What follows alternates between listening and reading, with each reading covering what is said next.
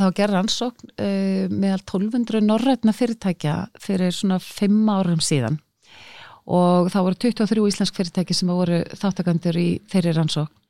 Þar kom fram að stjórnendur fyrirtækja þeir líta svo á að þáttaka í stöðlunastarfi veiti þeim forskott, veiti þeim upplýsingar sem þeir fá ekki annar staðar, þeir geta séð fyrir þróun í sinni atvinnugrein og með virkri þáttöku í stöðlastarfi að þá hafa þeir tækifæri til þess að hafa áhrif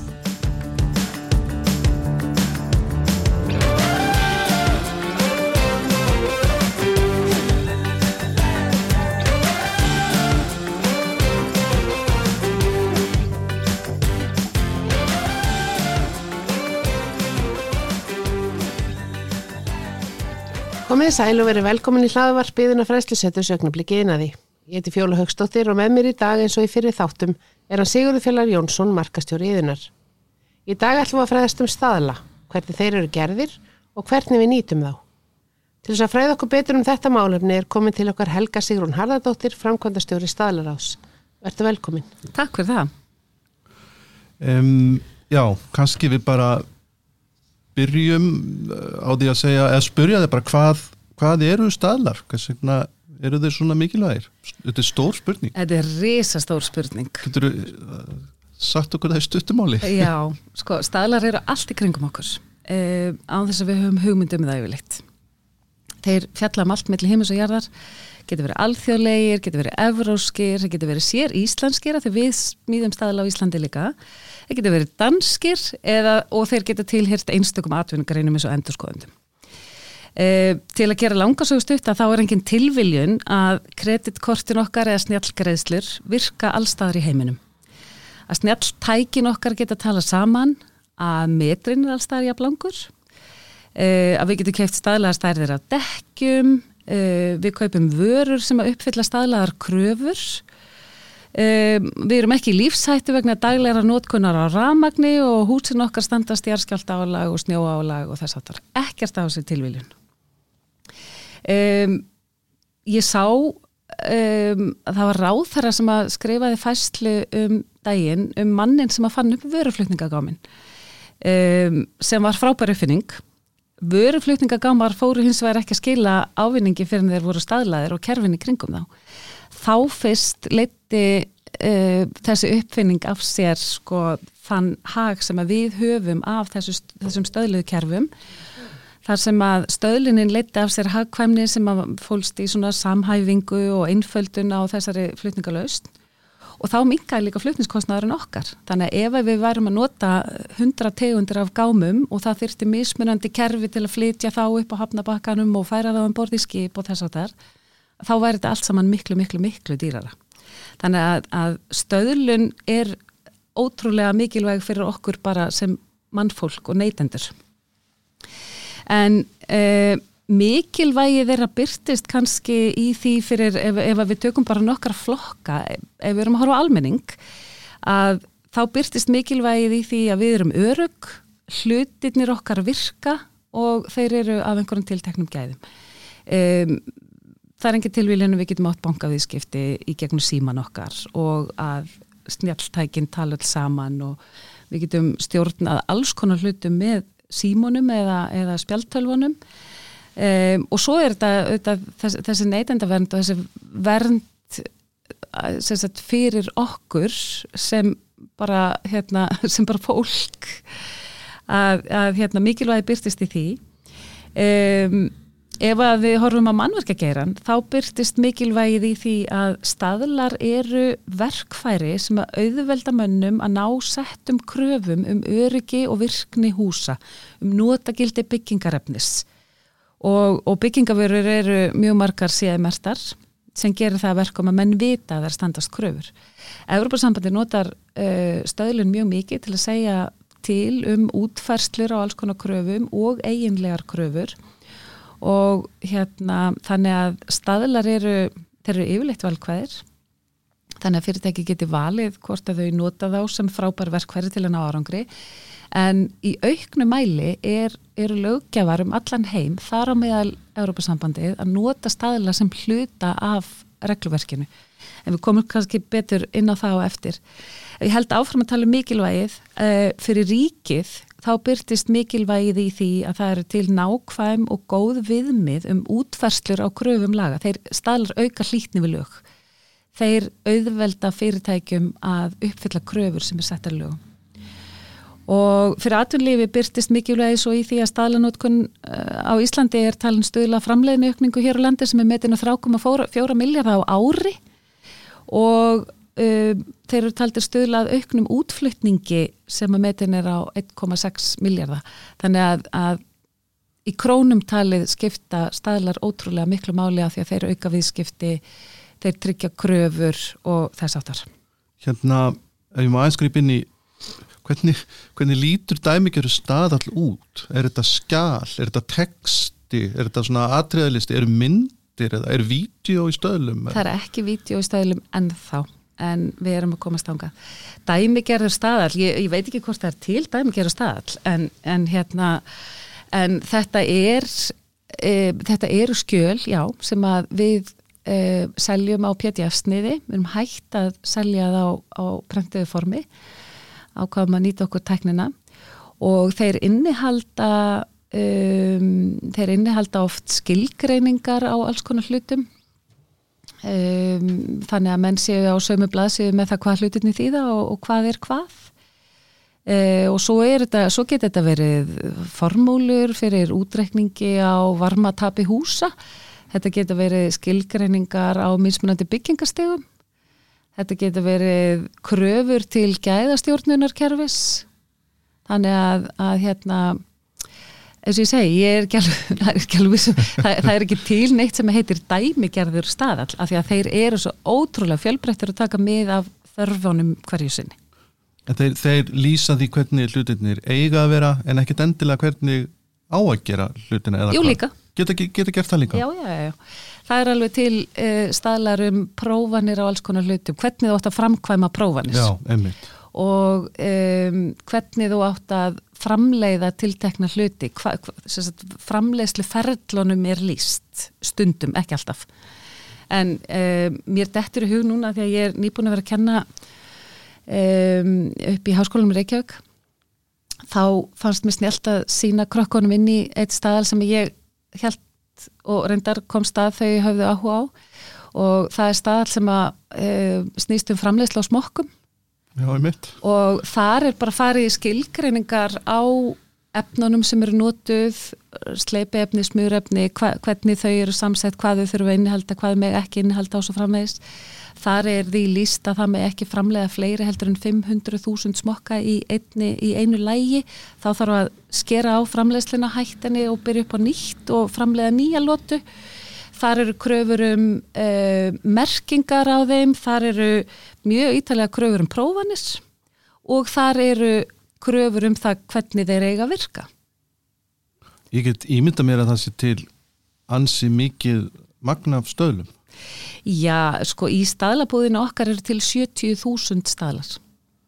Og eru það staðlar sem hafa verið sagt, innleittir á Íslandi? Nei, við erum aðilar að fjórum fjölþjóðlegum staðlarsamtökum, tveimur alþjóðlegum sem eru ISO sem er mjög margir þekkja og svo eru önnur staðlarsamtök alþjóðleg sem heita ESC sem við höfum þýtt alþjóðar ráfteknir á þið sem er mestmægnis að vinna með ramastæðla um, og svo hefur við aðelda tvennum uh, evróskum staðlarsamtökum sem eru bæði eins og ISO og ESC almennsæðlis og svo sérstökur ráfstæðlarsamtök uh, þannig að, að hérna uh, það sem að gerist á Íslandi er að í tengslu við EES-samningin að þá göngum við inn í evróska staðlakerfið og í því fælst að við tökum upp og innleiðum og staðfestum á Íslandi alla staðla sem að verða til í, hjá þessum evrósku staðlasamtökum.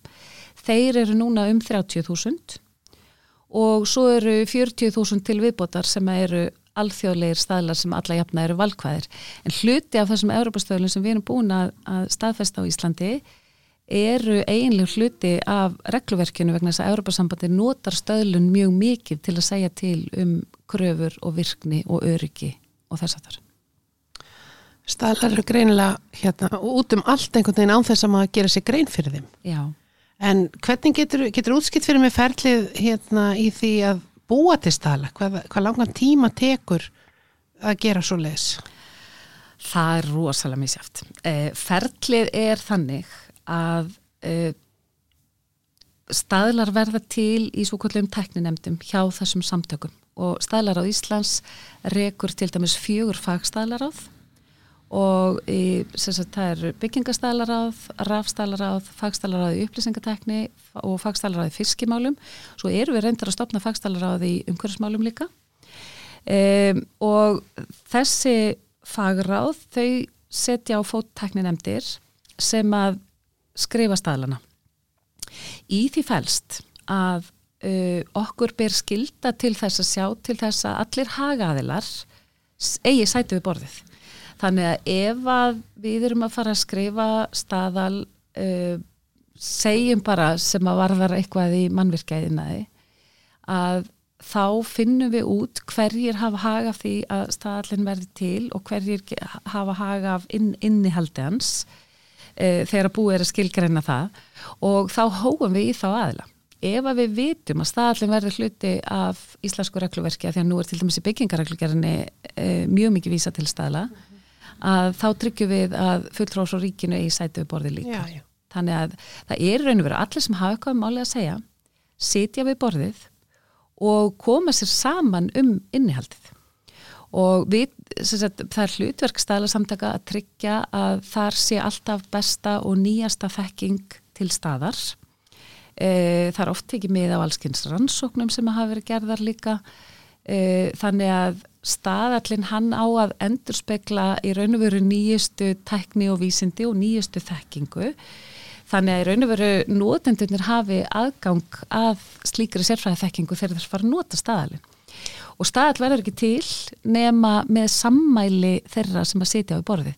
Og það eru dæmi um það hjá okkur að aðeinar sem að hafa verið að takast á fyrir dómi um ágreiningsmál sem að vörðuðu mjög mikla fjármunni þeir sitja saman við borð hjá staðlarað Íslands eh, og koma sér saman um viðmið sem að þeir vilja koma á í sinni grein af því að það er hagur allra að við sammælumst um það Já. til að sé ekki verið að finna hjóli upp á hverjum einasta degi.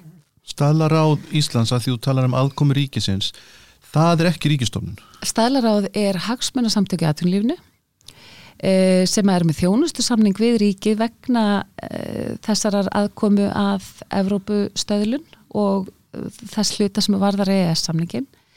Eh, þannig að nei, við erum ekki ríkistofnun, við erum hagsmunasamtöki í aðtunlífnu og eigum í mjög góðu og nánu samstarfi við svona stærstu hagaðilana. Og það eru tæplega 90 fyrirtækistofnarnir sem eiga aðildaráðinu og hérna mm, svo þeir tilnefna tengilið við kjósum stjórn úr þeirra hópi á aðalfundi þannig að, að stælar á Íslands er raun og verið undir stjórn atvinnulífsins og ríkisins Þannig að samvinnan gengur vel þó að komið svona margir að þessu. hún gengur alveg rosalega vel og, og það er einfallega vegna þess að, að hérna hagaðilarnir, þeir vita að verkefnið er að koma sér saman um viðmið sem að öllum gagnast og ekki bara þeim sem sitja við borði heldur líka þeim sem þurfa síðan að nota staðala í framhaldinu. Þetta gerist líka hjá Evrópu eða þess að nýri Evrópu. Evrópusambandi sendir stöðlunar beðnir til Evrópusamtakana af því að það er uh, ég get nefnt bara sem dæmi uh, leikfeng menn vilja leikfeng batna sér örug, það má ekki nota hvaða efni sem er í þau og þau þurfa að vera útbúin þannig að það detti ekki á þeim litlu hlutir sem að geta valdi köpninu hættu. Uh, þannig að, að hérna þar er hóað í hagaðilana neytendarsamtök og og leikfangaframleðendur og, og hérna svo einhverja svona sem að þú veist, efnisframleðendur og einhverja sem að hérna hafa haga því að, að búa sér til sameinleg viðmið um það hvernig við búum til leikfeng sem er ekki hættuleg fyrir börn. Og svo rata þessir staðlar inn í Íslands regluverk með neytenda lögjöfinni sem við innleiðum hér. Þannig að, að hérna, já, þeir eru fjóla allt í kringum okkur og yfirleitt höfum við ekki hugmynd um það. En þeir eru ástæðan fyrir því að hlutir virka Já, sem betur fyrr. sem betur fyrir, já Varðandi uh, þetta, hvernig, hvernig þið verða til eh, eru dæmum það að einhver tækni nýjung, einhverja skráartegundir í tölvum eða eitthvað slíkt eh, nái slíkum vinsaldum og slíkur nótkun að veist, það, það eru eiginlega ígildi staðals og, og verða þá staðlar á endanum eða veist, það er eitthvað svona ráðandi tækni sem að Uh, staðla segja alla jafna ekki til um eiginlega tækni en hún kem, getur þó komið við sögu í staðli og ef þú ert að velta fyrir það hvort að svona einhver tæk, einhverja tækni nýjungar geti haft áhrif á inntak staðla þá er það þannig, já. Og hérna, svo það sem sagt hér staðlar eru ferskvara, þeir eru alltaf nýbakaðir vegna þess að, að hérna, þeir eru uh, þeir eru uppfærðir reglulega og þá er alltaf tekið tillit til nýjustu tækni og vísinda. Þannig að, að hérna tækningar rata inn í staðla, já. Já, ég get alveg undan mér að það sé jafnvel mikilvægt að vera svona snemma á ferðinni með staðal áður en að allir fara að hlaupa veist, hver í sína átt.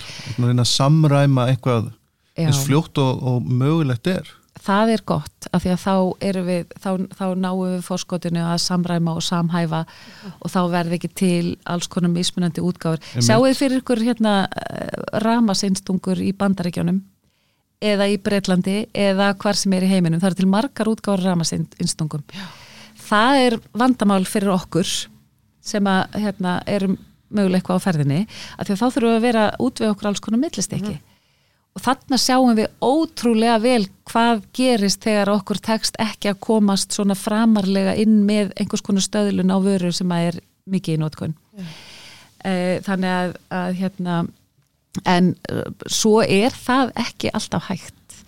Og ég get nefnt sem dæmi núna uh, gerfugrind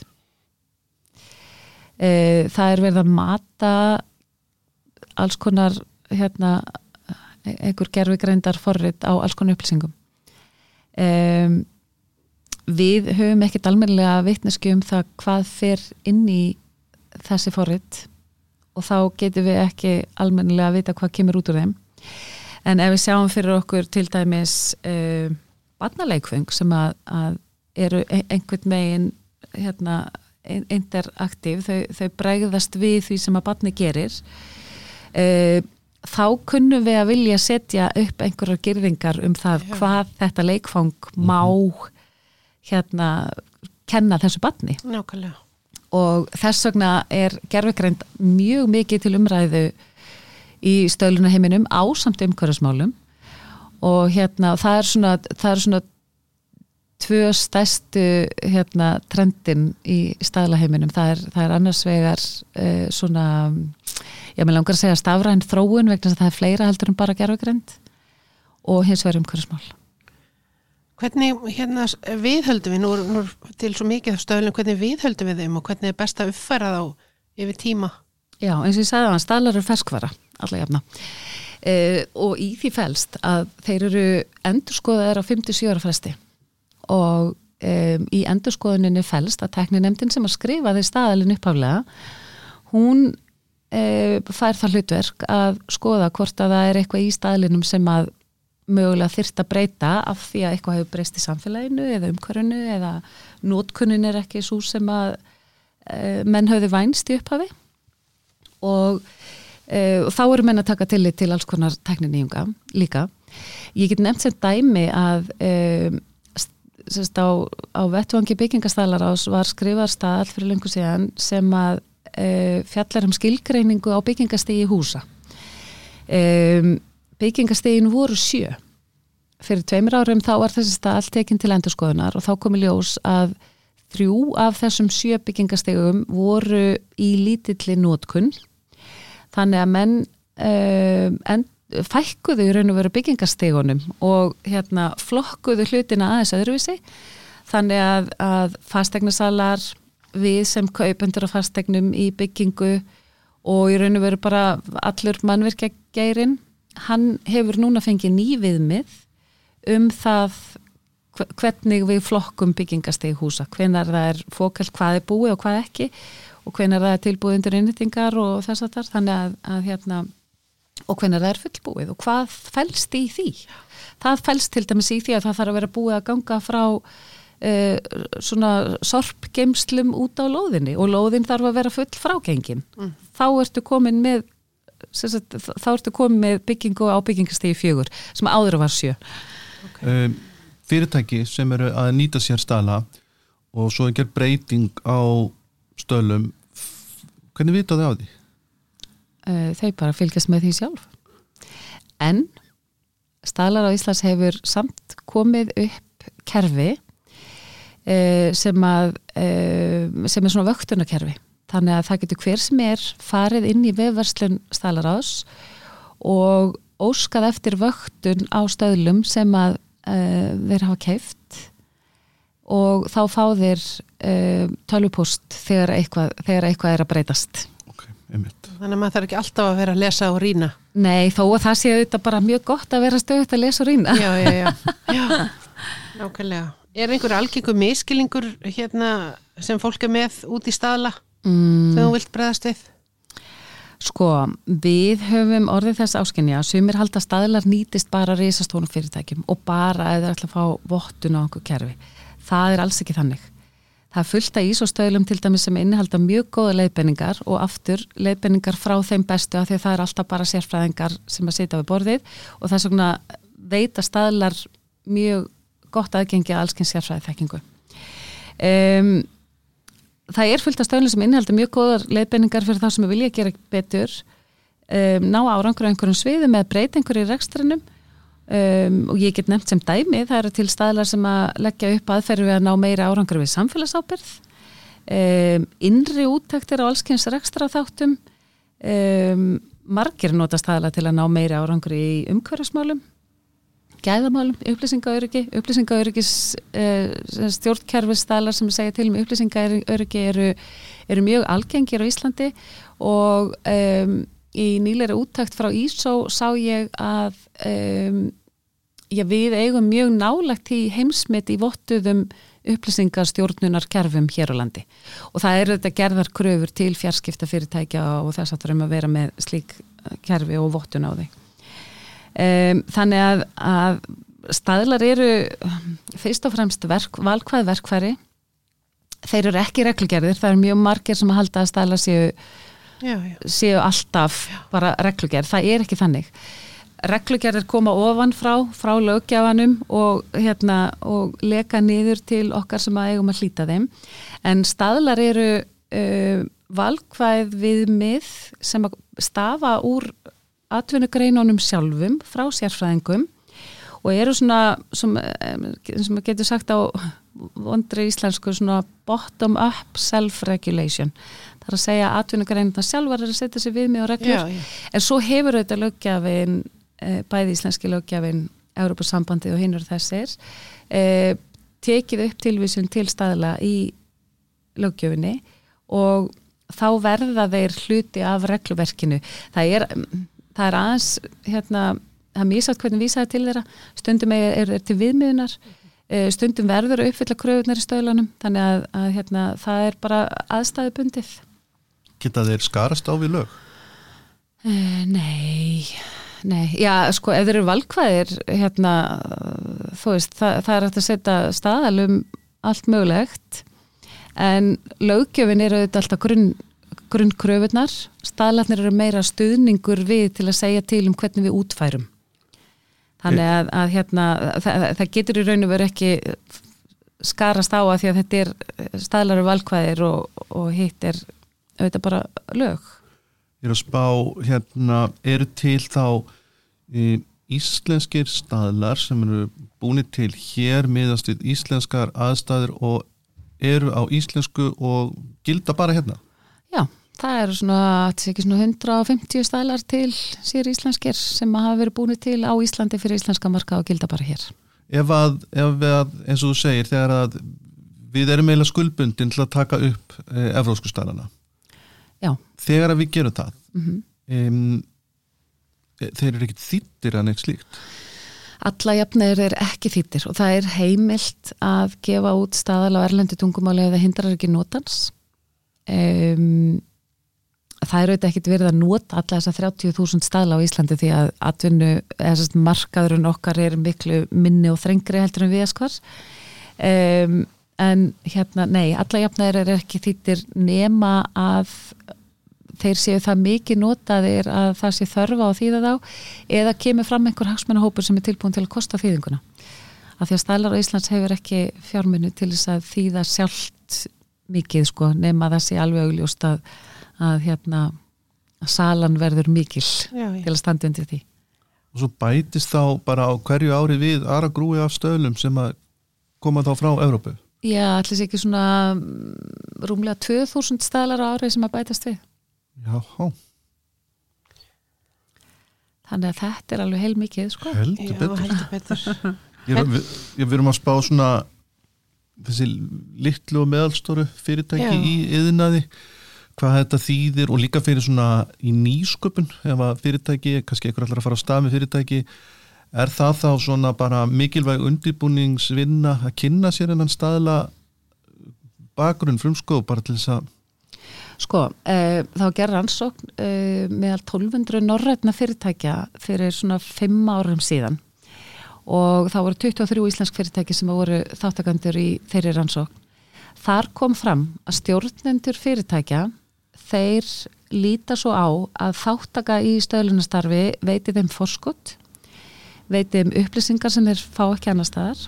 Þeir geta séð fyrir þróun í sinni atvinnugrein og með virkri þáttöku í stælastarfi að þá hafa þeir tækifæri til þess að hafa áhrif og við erum með dæmi um tugi íslenskra sérfræðingar sem eru starfandi í erlendum tekni, tekni nefndum sem að eru þar af því að þeir vilja koma íslenskum hagsmunum á dagskrá við gerð þessara viðmiða.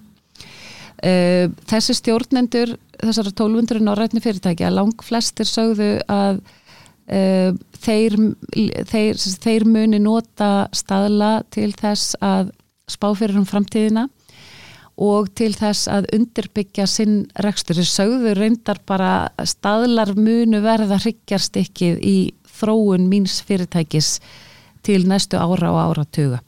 Þannig að þetta er aðgengi að frábæri sérfræðiþekkingu.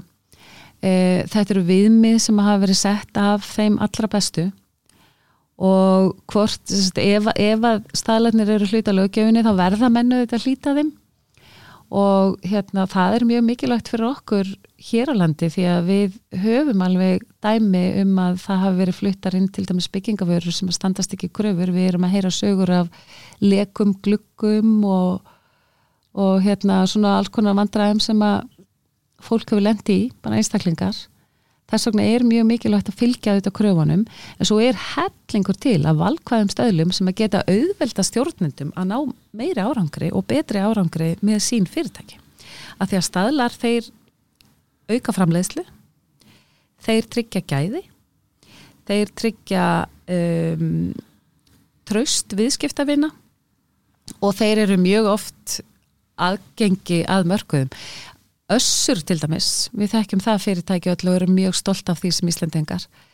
Össur eh, uppfyllir kröfur staðla, getur presentera það og, hérna, og, og þeir segja bara, herri, við erum bara með vottun frá óháðum þriðja aðila, vottunastofu, sem að eh, staðfestir að okkar vara er framleitt eftir þessum stífu kröfum sem að þessi tiltekni staðall eh, segir til um og þar með hafa þeir aðgang að mörgum um allan heim af því að það veit allir hvaða þýðir að búið er að, sérst þegar að fyrirtæki er að framleiða vöru eftir stöðlum sem hafa verið settir af bestu sérfræðingum og eiga innihalda eh, hérna bestu þekkingu hvers tíma sko. Fyrirtæki sem vil svona tryggja að þau, þau hérna sé vinna í takt við staðla geta þau fengið ráðgjöf þá frá ykkur eða verða þau að fara og leita í einhverjum staðlabanka sjálf eða Sko, uh, stælar á Íslands með sína sjöstarfsmenn þekkir ekki eintak allara 70.000 stælana Nei. og bara ge- getum ekki gert það og við erum alla jafna sko ekki svona, höfum ekki djúpa sérfræði þekkingu á tilteknum hlutum. Við reykum hins vegar fagstælaráðin, þannig að í mannvirkjageiranum, í ramagninu, í fiskimálum og um, upplýsingatækni og bráðum í umhverfismálum. Þá erum við með sérfrótt fólk innan dýra sem að þekkir hans til í stæla heiminum en fyrirtæki sem að er að fara af stað í svona einhver mjög sértæk verkefni þau eh, búa yfirleitt yfir sko sínum eigin sérfræðingum sem að hafa þekkingu og geta leysið sér til. Og nú nefn ég bara veist, það er fæst í vöxt að mennur farnir að framlega þörunga og vilja gerna nota þá sko, til manneldis. Þá, þarf, þá gera alþjóðlegu markaðarnir eh, kröfu um að fyllt sé ákveðnum ísástöðlum sem að segja til um öryggi við matvælaframleiðslu og svona alls konar hluti og þá hafa þessi fyrirtæki sérfræðinga á sínum snærum sem að hérna, kunna að lesa sér til og setja upp kerfi sem að uppfylla þessar kröfur. Já, já. Er einhver sérstök tæknitrend sem hefa áhrif á viðhald og þróun staðla? Já, það er þetta þess að ég sagði aðan, sko, það er alltaf eitthvað nýtt í þessum heimi og hérna gerfigreindin er mjög ábærandi núna en umhverfismál líka. Og þá er ástæða til að nefna að uh, það stendur til að endurskoða staðla sem að setja kröfur um síðmerkingar og byggingavörum og ástæðan fyrir þeirri endurskoðun er að sko, þe- þe- þetta gerist hannig að Európa-sambandi setur reglugerð um að byggingavörur þurfa að uppfylla tilteknar uh, kröfur um notagildi og svo er búið að skrifa einhverja 700 staðla sem að hérna, um einu og eina vöru þannig að sko timbur á að uppfylla þessar kröfur, skrúfur eiga að uppfylla þessar kröfur og svona alls konar byggingarefni. Eh, Þetta ratar inn í Íslands regluverk með lögum um byggingavörur, við tökum það upp hér. Eh, Núna hins vegar þá eru mennorni mjög uppteknir af eðlilega um, svona sjálfbærni í byggingariðnaði og, og svona vistvæni. Þannig að það hefur verið tekin ákvörðun um það að endur skoða þessa 700 og eitthvað byggingastæla og bæta við umhverfiskröfum. Þannig að e, staðlarnir munu í framtíðinu segja til um að það þurfi að vera hægt að endurvinna byggingavöru með tilteknum hætti, það þurfi að vera hægt að endur nýta, það þurfi hægt að mögulega hægt að merkjana með einhverjum hætti. Þannig að umhverfiskröfunar sem að hinga til hafa tilheyrt svolítið umhverfismerkjónum, svaninum og brímvottuninni og því öllu þær eru að rata svolítið inn í þessa grunnstaðla sem að Já, eru hluti af regluverkinu okkar. Þannig að já, já. E, þessi, þessar breytingar á samfélagunum rata inn í staðlana mishratt Já. Af því að eins og með gerfugrendina þá vita menn ekkert hvert menn er að fara með hana og hérna en ég sé fyrir mér ríka þörf á því að setja upp einhverja gerðingar þannig að það með ekki nýta hana með hvað hætti sem er hvaða neytendum sem er. Og hérna og sama er um umhverfskröfunar þær eru að rata mjög hratt inn í, inn í staðlana. Ég held að þetta maður láta gerfigrindin að skrifa sinni eigin staðal. Ég bara, það kemur á óvast ef það hefur ekki verið gert nú þegar Það væri, það væri mjög skemmtilegt. Já, Staðla sjálfar sig. Já. Hérna var þetta, við erum að spáta alltaf í staðla og reglugerðir og, og lög. Um, er, til, er til staðla lögga? Hver, að því þú varst að tala um leka glugga og annars lít, hver, Já. hver fylgist með þessu? Hver segir, heyrðu, þú þarna, þú ert nú bara ekki að fylgja þessum stöðlum og hér færðu sekt eða eitthvað. Hva, hvernig, Sko, uh, hluti af þessu regluverki sem við tökum upp í gegnum EES-samningin er að okkur bera innlega staðla og fylgja þeim og þeir eiga verða hluti af regluverkinu okkar. Svo eru nýju, ef ég maður rétt, mismunandi stofnarnir á Íslandi sem að fara með ofinbært markaseftilit. Um, Húsnæs og mannverkistofnun, hún fer með markaseftilitið á byggingavörum Hún fer reyndar með markaseftilit á alls konar neytendavöru líka, tók við því hlutverki af neytendastofu nýverið. Um, svo, er, svo er eftirlit með skemmtibátum sem að fer fram hjá samgöngustofu. það, og þið veitir, þannig að, að það er, þetta eru Já. geislavarnir, þetta er, um, þetta er samgöngustofa, þetta eru ríkis, nei þetta er ekki ríkiskaup, þetta er hérna framkvæmdasíslan, þetta eru svona nýju mismandi eftirlitsaðilar sem að eiga að fara hérna út og tryggja að, og ég meina við höfum séð sko innkallanir á leikfengum sem að hafa Já, verið algjörlega. talin hættuleg og ekki uppfylla kröfur, þá hefur eitthvað farið úrskeiðis Mhm. og hérna þannig að já, það eru svona, svona aðilar en svo ef að menn eru með vottu gæðagstjórnunarkerfi ef að þú fjallar ætlaðir til dæmis að fara að framlega lækningatæki svona hjartagangra eða eitthvað slíkt að þá þarf þú að undugangast miklar kröfur og uh, þú þarft í raun og veru að sína fram á að þú sérst að reka þessa framleiðslu eftir vottu gæðastjórnunarkerfi og þá þarftu að fá vottunastofu til þess að e, votta það að reksturinn þinn sé í fullu samræmi við þær kröfur sem eru gerðar til framleiðslu og lækningatækjum. En þú getur ekki vaðið af stað bara. Nei, sem er er, er að. Er eitthvað hægt á því? Nei, menn, það hefur aldrei verið íslenska leiðin sko. Já, já. Þetta svona- Þetta reddast leiðin. Já, Já. og maður hefur heyrt einmitt þessa gaggríni sko, að allir þessi staðlar það má ekkert sko, það er bara staðlar um það hvernig eplið er að vera í læginu og það, maður, maður heyri það dóldi sko, svona pyrringur út í að það sé, það sé verulega smá smugulegt sko Það er endur ekki rétt að setja staðalum með það hvernig epli á að vera í læginu. Það er neytendur sem að vilja bara kaupa fallega eplin og ekki ljóta eplin. Þannig að, að hérna, það er pínu miskilningur í gangi þar og ég, ég hef fullan skilning á því að almennt viti fólk lítið um staðla vegna þess að þeir eru, þeir eru alla jafna ekki til umræðu í mentakerfinu það, það er áhugaverðu búin, Já, ég, ég ætlaði myndi að vera að segja það, er, það þyrfti kannski bara að kenna meira um þetta. Já, og við höfum verið að fara inn í einstakar deildir háskólana, ég hef reynd að kent í kvennaskólanum líka um staðla á stöðlum. Ok. og hérna, en við erum að fara inn í einstakar deildir til þess að ræða tiltekna flokka staðla og sem að varða mögulega tilteknar atvinnugreinar. Um, við höfum verið að kenna sko í verkfræðdeildum, í lögfræðinni, í ramastæknifræði þannig að, að þá eru við sko í, í lögfræðinni er ég, að, er ég að fjalla um svona almennt um þetta kerfi hvernig það virkar, hvernig staðlar verða svona tengdir löggjöfinni og, og hérna hvernig innleðingar ferillinni er og þess það sko Um, en svo erum við líka að tala bara um byggingastaðla og við erum að tala um ramastaðla og við erum að tala um gæðastjórnunarstaðla og, og þess að það þannig að, að þetta er svona, það er hægt að bera rosalega víða niður. En, en því miður þá hérna, þá er umræða um staðla og staðlun en þá óþróskuð við erum uh, að gera allt sem við mögulega getum til þess að hérna, breyða út bóðskapina því að það, þetta, þetta eru mikilvæg gögn. Þau eru hluti af lögjöfinni það er mikilvægt að fólk viti um hvað þetta hverfist. Það er mikilvægt að fólk viti hvernig það á að leita sér upplýsinga um alls konar gröfur sem eru gerðar.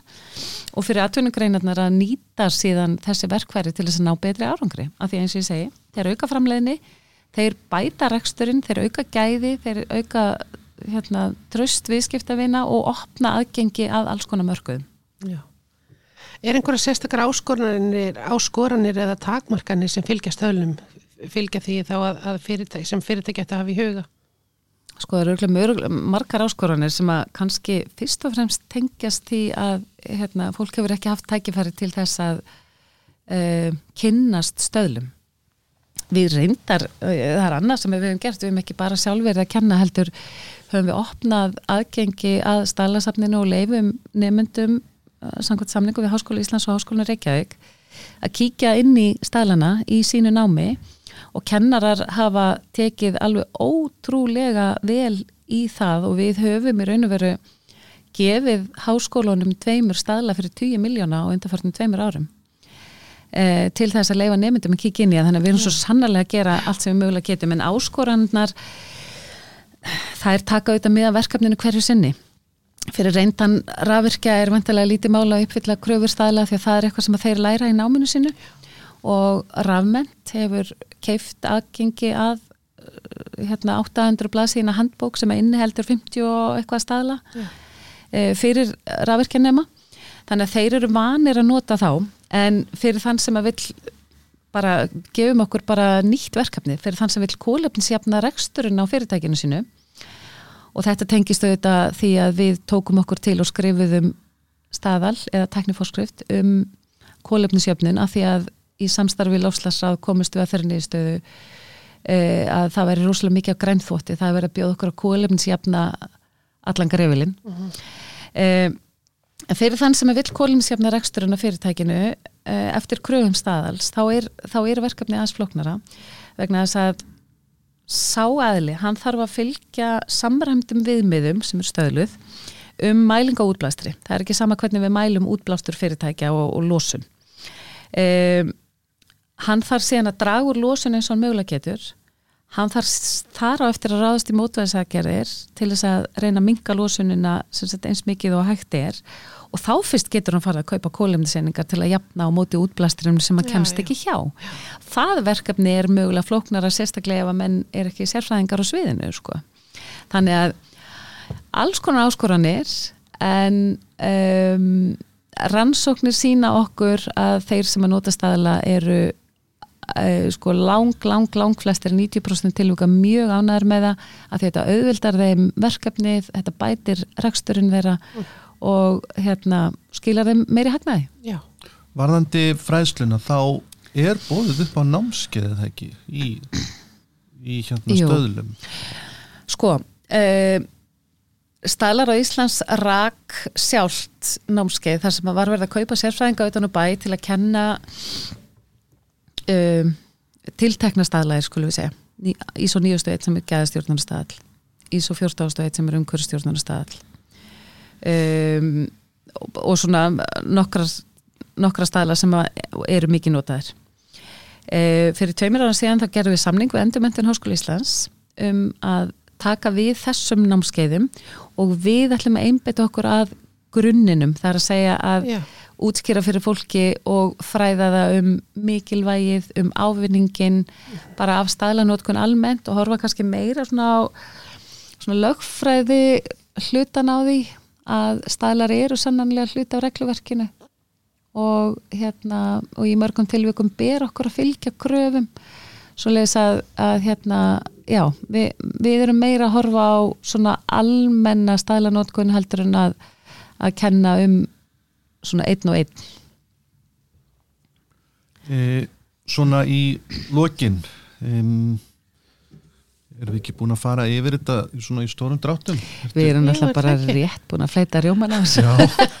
Okkur finnst við rosa mikið fróð Já, miklu fróður ég Þetta er svona, ég, ég, ég þóru nú alltaf að segja það en ég hef ekki trúið að þetta væri þetta svona áhugavert að því að bara staðlar, mann svona, man svona hefur kannski ákveðna fordóma bara gagvart þessi fyrirbæri, maður gerir sér ekki eins og, eins og hefur komið hérna fram, bara gerir sér ekki grein fyrir hvað þetta er útbreytt og hvað þetta er mikilvægt. Já og, og eins og ég segi sko þetta er allstar í kringum okkur, nú sittum við öll þrjú hérna með glerugu, þau eru séðmert sko. Og hernatólinn sem við erum með á, á hausnum, þau eru líka síðamest símarnir ykkar eru síðamestir og þetta er allt sem að kröfur sem að Európa-sambandið hefur lagt niður og sagt bara hernatól þurfa að virka svona og þau þurfa að vera á þessum gæðum þau með að það má ekki vera hægt að hækka það mikið í þeim að þau skemmi okkur hernina þó að það séu þetta kannski eða veit, það, það, það eru alls konar kröfur og baku alls konar hluti sem við verum að nota hverjum einasta degi og hugsaum aldrei út í það Nei, Nei.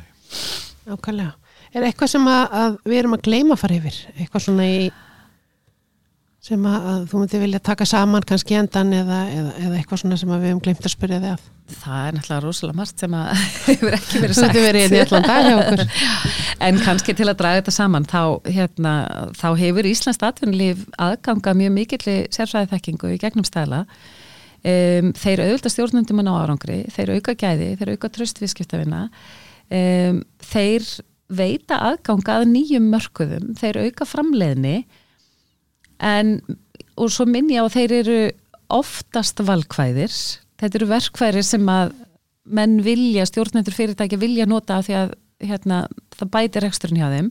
En lögjafinn hefur stundum vísa til þeirra í regluverkinu og þá verða þeir hluti af því. Um, ég hvet fólk bara til þess að skoða vefin okkar. Í vefverslinni er hægt að slá upp leitarorðum og hérna það er alveg ótrúlega svona fyrir grúskara alveg ótrúlega magnað hvað er rosalega mikið til af sértækum stöðlum.